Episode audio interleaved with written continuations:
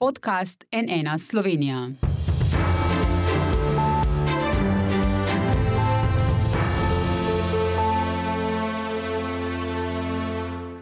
Dober dan, to je NN studio. Da je pred nami težko obdobje, kaže tudi jesenska napoved gospodarskih gibanj, ki jo je včeraj predstavil Urad za makroekonomske analize in razvoj UMAR. Napoved gospodarske rasti za letos je sicer dvignil z 4,2 na 5 odstotkov, a je za prihodnje leto občutno znižal z 3 na le 1,4 odstotka. Inflacija bi bila lahko skoraj 9 odstotna, a ta napoved še ne vključuje ukrepov, ki jih je doslej sprejela vlada. Kako realne so te napovedi, kaj to pomeni za potrošnike, zaposlene, podjetja? O tem z gostoma v studiu je gospodarski analitik Goran Novkovič. Dobrodan, dobrodošli NN. Prek povezave pa je z nami glavni ekonomist gospodarske zbornice Slovenije, Bojan Ivanc. Dobrodan tudi vam. Dobrodan. Če začneva midva, gospod Ivanc, morda za začetek najnovejša napoved gospodarskih gibanj. V čem se razlikuje morda od napovedi, ki jo pripravljate v gospodarski zbornici? Ja, v danem trenutku pač lahko povem, da naša jesenska napoved še ni javna. Vsekakor pa smo v fazi priprave napovedi in seveda okoliščine so se bistveno spremenile in lahko vam pa zaupam, da je tudi nekako naša napoved po neuradnih informacijah precej podobna uh, aktualni napovedi Umarja, torej Umar za naslednje leto napoveduje 1,4 odstotno realno gospodarsko rast. Pri nas menim, da je nekako najbolj, uh, najbolj verjetna ocena med enim in 1,5 odstotno realno rastjo. Hkrati bi pa, smo že pri tem pač povedal tudi, učinke inflacije, ki imajo vpliv na nominalno rast BDP-ja, namreč z vidika javnih financ, proračuna in tudi z vidika relativne zadolženosti, je seveda pomembna tudi informacija, kako se bo gival nominalni BDP, namreč njegova rast pa bo še vedno kar precej visoka, znašala bo nekje v naši oceni, tudi pri Umarjevi, okoli 7 odstotkov in v bistvu to je mogoče za vidika javnih financ nekoliko boljši pokazatelj, kot pa seveda tudi umirjanje realnih trendov, ki je pač evidentno ga pričakovati, glede na splošno draginjo in glede na pričakovano upočasnjevanje pri izvoznih gibanjih. Uhum, bomo o tem še v nadaljevanju zagotovo govorili, gospod Novkovič. Je ta nižja napoved gospodarske rasti za vas pričakovana? Ste morda pričakovali še nižjo? Ne, jaz mislim, da je pričakovana z vidika nekega kolikor je možno realnega pogleda v tem momentu in pa hkrati tudi z vidika neke taktike, kaj bi se lahko zgodilo. Eh, če pogledamo malo bolje to napoved, je situacija takšna, da so omenili tudi, da bi v prvi polovici leta bila seveda rast manjša, v drugi polovici pa višja. To pomeni seveda, da iz takšnega vidika, glede na vse negotovosti, ki so pred nami, uh, predvidevajo v bistvu stagnacijo v prvi polovici leta in potem šele rast. Do takrat se pa še marsikaj lahko spremeni. Ampak eh, res zelo poudarjajo, ne, da je pač velika negotovost zaradi razmer na energetskih trgih. Uh, je potem takem možna celo recesija, ne samo stagnacija? Možna je. Uh -huh. Odvisno od tega, kaj se bo dogajalo, v, mogoče ne samo v Nemčiji, ampak v vsej Srednji Evropi, v vsej Evropski uniji, v vsem evroobmočju. Možno je vse. Uh, je pa res, da v tem trenutku je zanimiva situacija. Jaz se spomnim leta 2008 ko je jesen izbruhnila kriza, so vsa podjetja imela krizne sestanke. Včeraj sem bil na enem srečanju in sem vprašal predstavnika večje skupine in je rekel, da mi zaenkrat samo še vedno spremljamo dnevno situacijo, kaj bo. Ali smo se navadili kriznih situacij, pa zaradi tega imamo že utečen sistem, ali pa še ni tako hudo, to je veliko vprašanje. Mhm. Zdaj, gospod Ivanc, ta napoved Umarjeva, 1,4 odstotka za prihodnje leto, temelji na predpostavki, da bo v Nemčiji stagnacija, torej da bo Nemčija nekako ostala nad vodo, če tako rečem. Eh, kakšne pa so v resnici eh, razmere in napovedi, pričakovanja v tem trenutku tam, se gre zanašati na to, da bo v Nemčiji vse v redu? Eh, zdaj, vidik Nemčije je predvsem vezan na izvoz in v bistvu evidentno je bilo pri napovedi, da so seveda upoštevali tudi ta učinek precej manjše rasti realnega izvoza, torej njegova rast naj bi v naslednjem letu pol tako visoka kot v letošnjem letu, kar se mi zdi nekako razumna okoliščina, razumna pričakovanja. Um, predvsem pa, kar bi rad opozoril, no, ko smo že omenili besedo recesija, uh, rad bi povedal, da uh, menim, da so že za letošnje leto verjetno napovedali um, negativno rast, vsaj v enem od četrtletij. Namreč rast v prvi polovici leta je bila precej visoka, Um, in seveda, pet odstotkov je relativno, rekel, nizka napoved, celo za letošnje leto. Tako da bi rekel, z vidika četrtletnih napovedi, bi celo rekel, so ocenjevali, da bo v bistvu v zadnjem kvartalu negativna rast, pa mogoče tudi v prvi polovici naslednjega leta, medtem ko bo povprečna pač pozitivna v letošnjem letu, v naslednjem letu pa tudi precej nižja, ampak še vedno pozitivna. Ampak kar je tisto, kar je meni najbolj zanimivo no, pri sami napovedi, kar me je nekoliko vseeno presenetilo, ravno trg dela. Ne. Uh -huh. pač ne glede na okoliščine, v katerih smo, torej veliko pomankanje delovne sile, um, na drugi strani pa veliki izzivi v zasebnem sektorju, glede prihodnega poslovanja, je še vedno ocena, da se bo brezposelnost zniževala. In v bistvu mislim, da je ta okoliščina v danem trenutku se vseeno nekoliko razlikuje od naše delovne predpostavke. Menim, da bo zelo težko trg dela hranil, recimo, okvirno število delovno aktivnih, ki je znašel za zadnji znan mesec okoli 922 tisoč, kar je bil zgodovinski rekord v, v zgodovini Slovenije.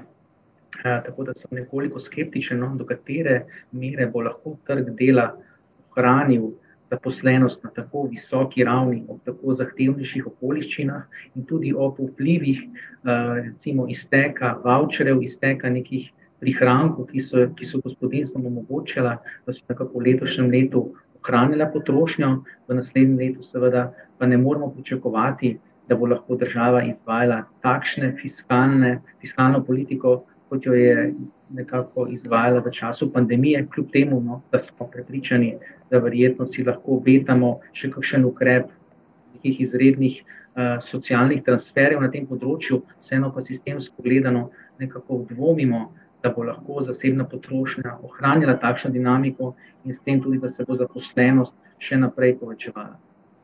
Je tudi vas, gospod Novkovič, presenetila ta napoved, to, kar je omenil ravno kar gospod Ivanc, glede trga dela, da je to je bilo razumeti malo pre, preoptimistično, ne, da se bo kar uh, brezposelnost zniževala še naprej, oziroma zaposleno še naprej zviševala. Da, tudi mene je to presenetilo. Uh, jaz sem pričakoval vsaj rahel upad števila delovno aktivnih napovedi, uh, iz enega preprostega razloga, ker uh, takšen, takšna, takšna krčenja uh, rasti bi skoraj da moralo na to vplivati, čeprav po drugi strani je res, da imamo v tem trenutku izjemno veliko uh, področji in panog uh, in podjetij tudi, ki pa skrajšujejo delovni čas, zato ker nimajo dovolj uh, zaposlenih. Ne? Ker pomeni, da neka rezerva uh, še vedno je, da ostane dokaj stabilno vse skupaj. Uh, ampak bolj kot to na globalnih ravnih, če smemo mogoče še eno, uh, še eno misel uh, vreči v to krizo, ki se nam obeta. Uh -huh. Eh, skrbi nekaj drugega, namreč poleg realnih uh, vzrokov, zakaj smo v takšni situaciji, mislim, da smo prišli v, na globalni ravni v situacijo, ko imamo, pa bomo rekel tako malo medijsko, po tabloidizaciji medijev, zdaj še tabloidizacijo ekonomije. Namreč uh, posem jasno je, glede na to, kako gledamo uh, rezultate nekaterih družb, da nekateri trgovci pod narekovaji trgujejo slabimi novicami in to povzroča dvigovanje cen čez daleč čez neke realne možnosti. Ne. Uh, to je tudi naš energetski minister jasno povedal pri elektriki, da ko je enkrat na tisoč, potem pravzaprav ni nobene realne osnove za kaj takšnega. In mislim, da je to področje, na katerega bo morala uh, država, Evropska unija, tudi širša globalna skupnost bistveno več pozornosti posvetiti, ker na koncu koncev to vpliva bistveno bolj kot v preteklosti na realno stanje ekonomije. Mhm. Eh, slišali smo tudi eh, precej ognjevit govor predsednice Evropske komisije Ursule von der Leyen na to temo. Eh, vaš pogled na to, gospod Ivanc, kar je ravno kar povedal gospod Novkovič, torej tako imenovana tabloidizacija podjetij, strašenje slabimi novicami. Ja, jaz bom tako odkrito povedal, glede možnih rešitev na trgu električne energije, bi rekel, da v bistvu težko politika najde rešitve na tem področju, če jo pa že stroka sama ne najde.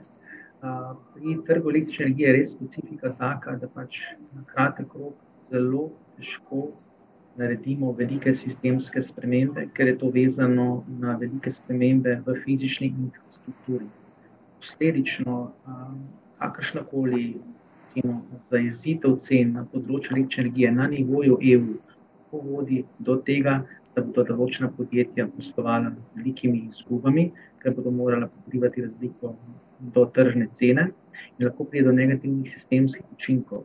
Zdaj, na tem mestu bi recimo pozoril na različne študije ACER-ja, pač regulator energijo na nivoju EU, ki je že nekako se opredelil do tega, da na nivoju Evropske unije te spremembe regulacije na tem področju so zelo zahtevne in vprašljive.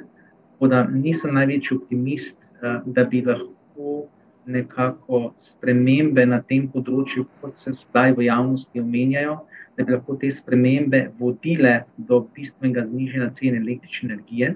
Lahko pa v tem trenutku predvsem to povem, da nekako podjetja zelo pri aktualnih cenah električne energije za dobavo v naslednjem letu se seveda zelo s težavo odločajo o tem, ali je to sploh ekonomsko mogoče razumno poslovati ali ne. Vam bom kar konkretno povedal. Recimo na Budimpeštanski borzi, ki je relevantna za Slovenijo, za slovenski trg, namreč trg električne energije ni enoten, torej ni enotne cene v celi Evropi, ampak so cene regionalno oblikovane, vezano tudi na transferne možnosti med omrežji.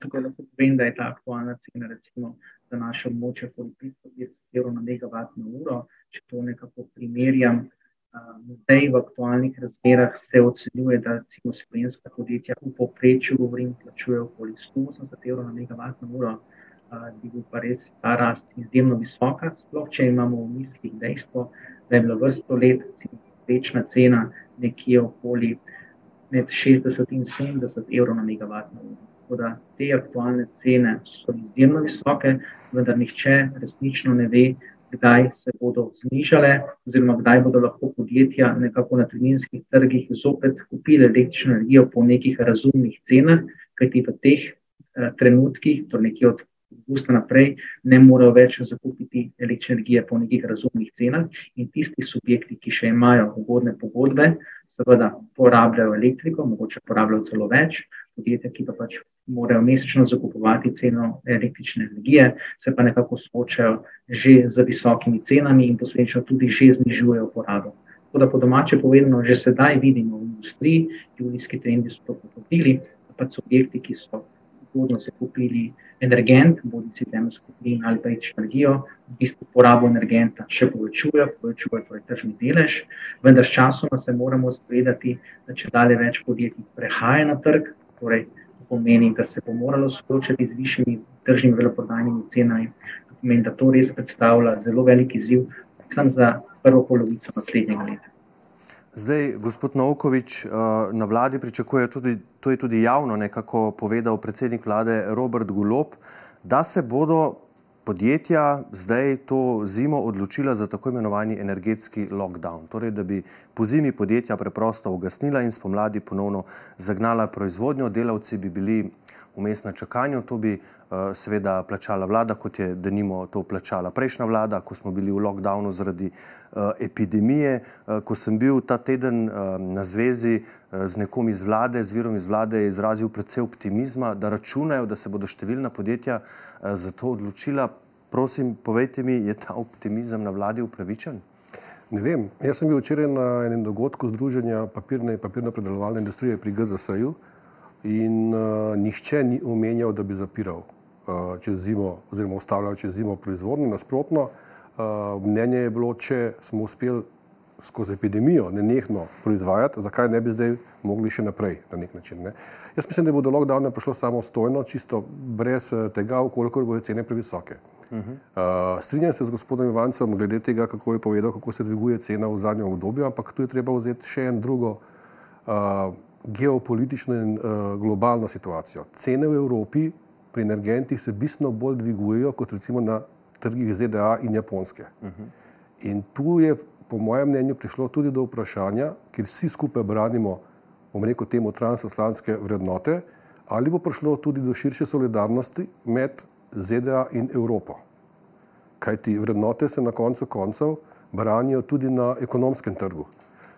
Ta razlika, včeraj sem gledal te grafe, ta razlika je pri nekaterih energentih tako velika, da to po mojem mnenju zelo, zelo ogroža konkurenčni položaj evropskih podjetij v primerjavi tudi z ameriškimi in japonskimi. In v takšnih razmerah je seveda stvar uh, tega, da se Evropska unija zgane, da se najmočnejše članice zganijo in tudi mogoče odprejo ta dialog z Združenimi državami Amerike. Mhm.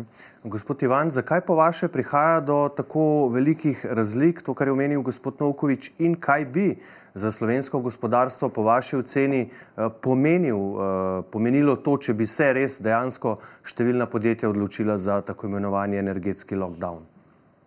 Ja, dobro vprašanje. Eh, ključna razlika je v zemljskem plinu in sicer prek dveh vplivov.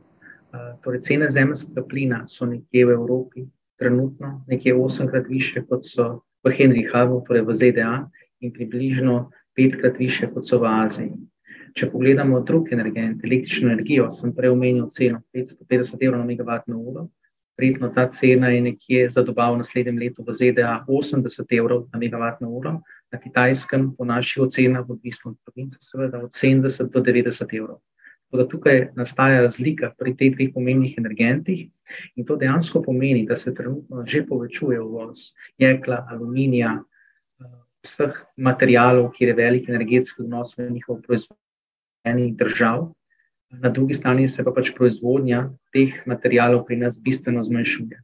Zdaj, če samo komentiram predlog premijer glede energetskega lockdowna, v teoriji je ta predlog smiselen in pameten vendar so seveda fizične okoliščine a, specifičnih sektorjev ali pa podjetij takšne, da vsem seveda ne omogoča, da bi to izvedlo. Torej, idealen scenarij bi bil, da bo tisti, ki največ porabijo teh energentov, resnično prenehali poslovati za nekaj mesecev in država pač pokrije stroške poslovanja in zaščiti zaposlenost. Problem pa je seveda v tem, da pri nekaterih podjetjih, če prekinejo poslovanje, je vprašljivo, ali to pomeni tudi, da bodo morali kupcem plačati določene pogodbene kazni, ali bodo sploh še dobivali nove pogodbe, pa tudi ali ne nastaja pri tem zelo visok strošek na proizvodni infrastrukturi, konkretno recimo, da je temu pomeni neka peč, torej določenih peči ekonomsko ni smiselno nikoli ugašati. In, vkolikor seveda bi takšna podjetja se odločila za energetski lockdown, seveda to ne bi bilo smiselno. Tako da zelo odvisno je od specifične situacije posameznega podjetja, se to pa težko posplošimo, da lahko damo kar vso energetsko intenzivno podjetje v energetski lockdown. To v praksi mislim, da ni tako enostavno izvedljivo. Mhm. Če za konec rečemo še kakšno o tudi eni zelo pomembni stvari, inflaciji, ampak tu še ni povsem jasno, kaj v resnici lahko pričakujemo. Gospod Novkovič umr pravil okoli šest, ne samo zaokrožili so, ampak potem, ko bodo znani učinki vladnih ukrepov, sicer pa je napovedana stopnja inflacije neuradno 8,9 odstotkov. Ne? Kako realna je ta napoved in v kakšni meri lahko dejansko na njo potem vplivajo ti napovedani ukrepi vlade in tisti, ki so bili že uh, do zdaj uh, izvedeni?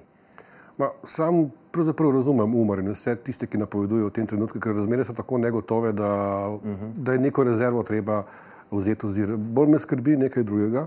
Mi smo v tem trenutku v situaciji, da imamo inflacijo, ki jo je generirala na nek način, ki so jo generirali hrana in pa energenti, oziroma rasti cen tudi surovine že prej. Uh, nismo pa še prišli povsem v situacijo, ko se nam lahko zgodi še spirala zaradi rasti plač. Uh -huh. Ta element prihodnje leto bi lahko vplival, kako bo vplival, je veliko vprašanje. Seveda se vsi strinjamo, da je treba zavarovati tiste, ki so socialno najbolj ogroženi. In da s tem se strinjam z gospodom Ivancem, ki je povedal, da seveda uh, je nujno potrebno, okolikor bo to nujno, da se še kakšni izredni uh, transferji uh, naredijo prihodnje leto. Ne smemo pa dopustiti na nek način, da bi uh, nas zavedlo, uh, zavedlo okoliščine in da bi zaradi tega, ker nam je zdaj kupna moč padla, takoj hotel to kupno moč nadomestiti z visokimi plačami, ker to pa lahko pomeni seveda inflacijo na daljši rok, kar je pa seveda uh, zelo slabo, tako, predvsem za Evropo in s tem tudi za Slovenijo.